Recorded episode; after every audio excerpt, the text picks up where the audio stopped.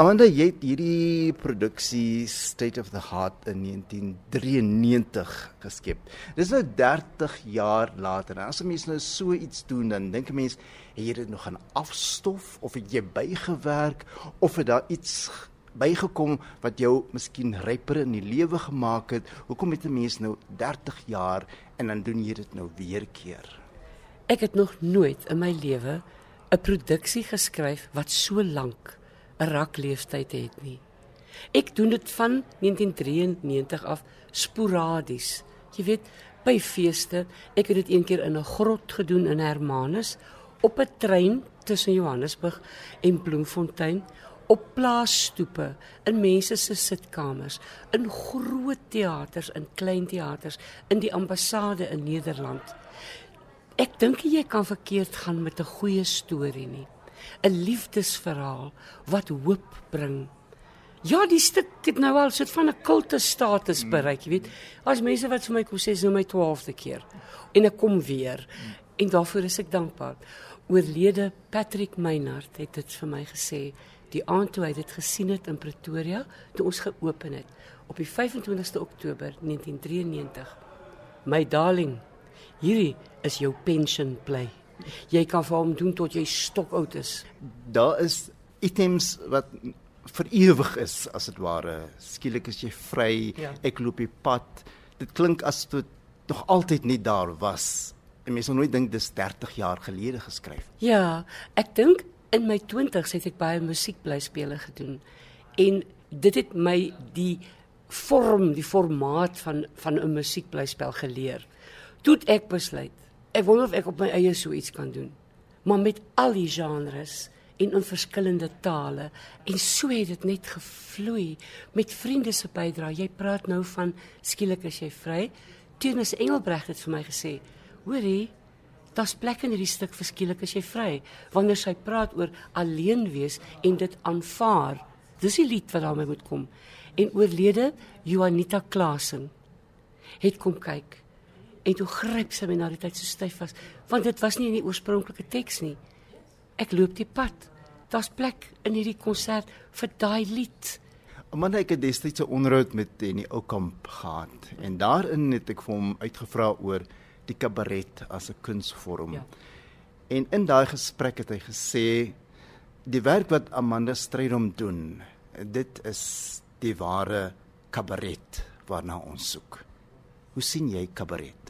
Ek kan net vir jou sê dat meester, dis ek hom genoem het, my in daai rigting gestuur het vandat hy my ontmoet het in 1980. Ons het presies dieselfde gevoel oor wat kabaret moet wees. Vir my is dit literêre kabaret. Kabaret moet links, regs, meedoenloos wees oor kwessies.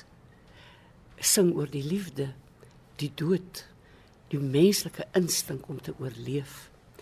Dit is beslis nie vir my kabaret om langs 'n klavier te staan en 'n paar mooi liedjies te sing met 'n paar sinnetjies tussenin nie. Ek is jammer, dit moet gebind word, dit moet sinvol wees. En hoe ouer ek word en dis wanneer ek hom so verskriklik mis.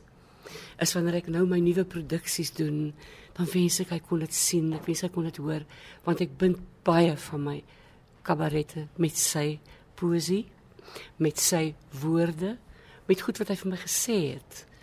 Hy's daar, hy's hy's by my, hy's in my hart. Henny was my ander vader. Hy was my pa in die kunste ongetwyfeld. En dit het hy my geleer. Hy het baie natuurlik kassette vir my gestuur in die 80s.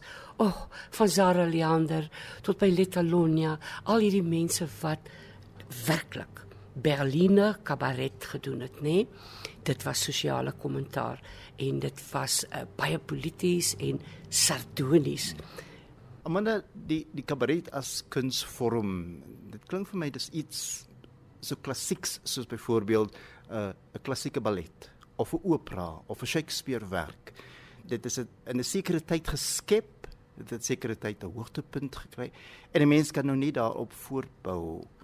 Baie keer dink 'n mens mense voel gedwonge om byvoorbeeld die TikToks, die tubes en al sulke tipe van dinge in te werk in so 'n kunsvorm wat alreeds sy vorm, sy lê, sy loop gekry het. Ja, ek is bevrees ek is baie dom met daardie platforms. Ek gebruik my sosiale platforms bloot om my vertonings te adverteer. Tens die tipe kabaret wat ek doen en dit is meester Henny se literêre kabaret dit moet sin maak. Dit word fyn saamgestel met fyn gekose liedjies en 'n bindingsteks wat of poëties is of ek skryf poesie om dit te punt. Ek weet daar's bitter min mense in die land wat doen wat ek doen. Maar ek ek volstaan by wat ek doen. Dit is iets anders. Dit is nooit goedkoop nie en as dit 'n bietjie gewaagd het, is daar 'n rede voor en dit word so aangebied dat almal lag daarvoor wanneer dit kom by sosiale kwessies. Dis wat ek aanspreek. Ek ek spaar niemand niks nie. Ek weet dat ek die een is wat my vuis gebal het en Amandla geskree het oor die ongeregtigheid in hierdie land. En dit was in 1986 dan moet 'n mens dit doen op 'n vermaaklike manier. Jy preek nooit nie. Jy's nie iemand wat opruiend daaroor is nie. Jy noem dit net en dan sien ek die erkenning in mense se gesigte. Almal wat as ware wil sê, "Ja, ja." Ek voel net so, ek dankie. Ek voel net jy. Amanda, jy het 'n 'n lang loopbaan ter voorbereiding gehad vir die fondament van die kabaret. Jy het in 1922 die televisiereeks destyds gespeel. Jy was op die verhoog in verskeie produksies, dramas gespeel voordat jy werklik jou jou sal ek maar sê jou lê gaan kry het in die kabaret as sodanig. Sou jy sê dit het alles gehelp dat jy 'n uh, uitstekende en 'n baie bekende kabaretster geword het? Ek dink 'n mens word uiteindelik daarvoor ryp gemaak. En meester het dit baie vir my gesê dat die pad wat ek geloop het deur my lewe, hoe swaar dit soms was, hoe openbare vernedering jou slyp jou seermaak en dan die moed om op te staan en te sê ek sal staan en aan te gaan. Dit het my voorberei vir kabaret want ek het begrip vir die menslike siege.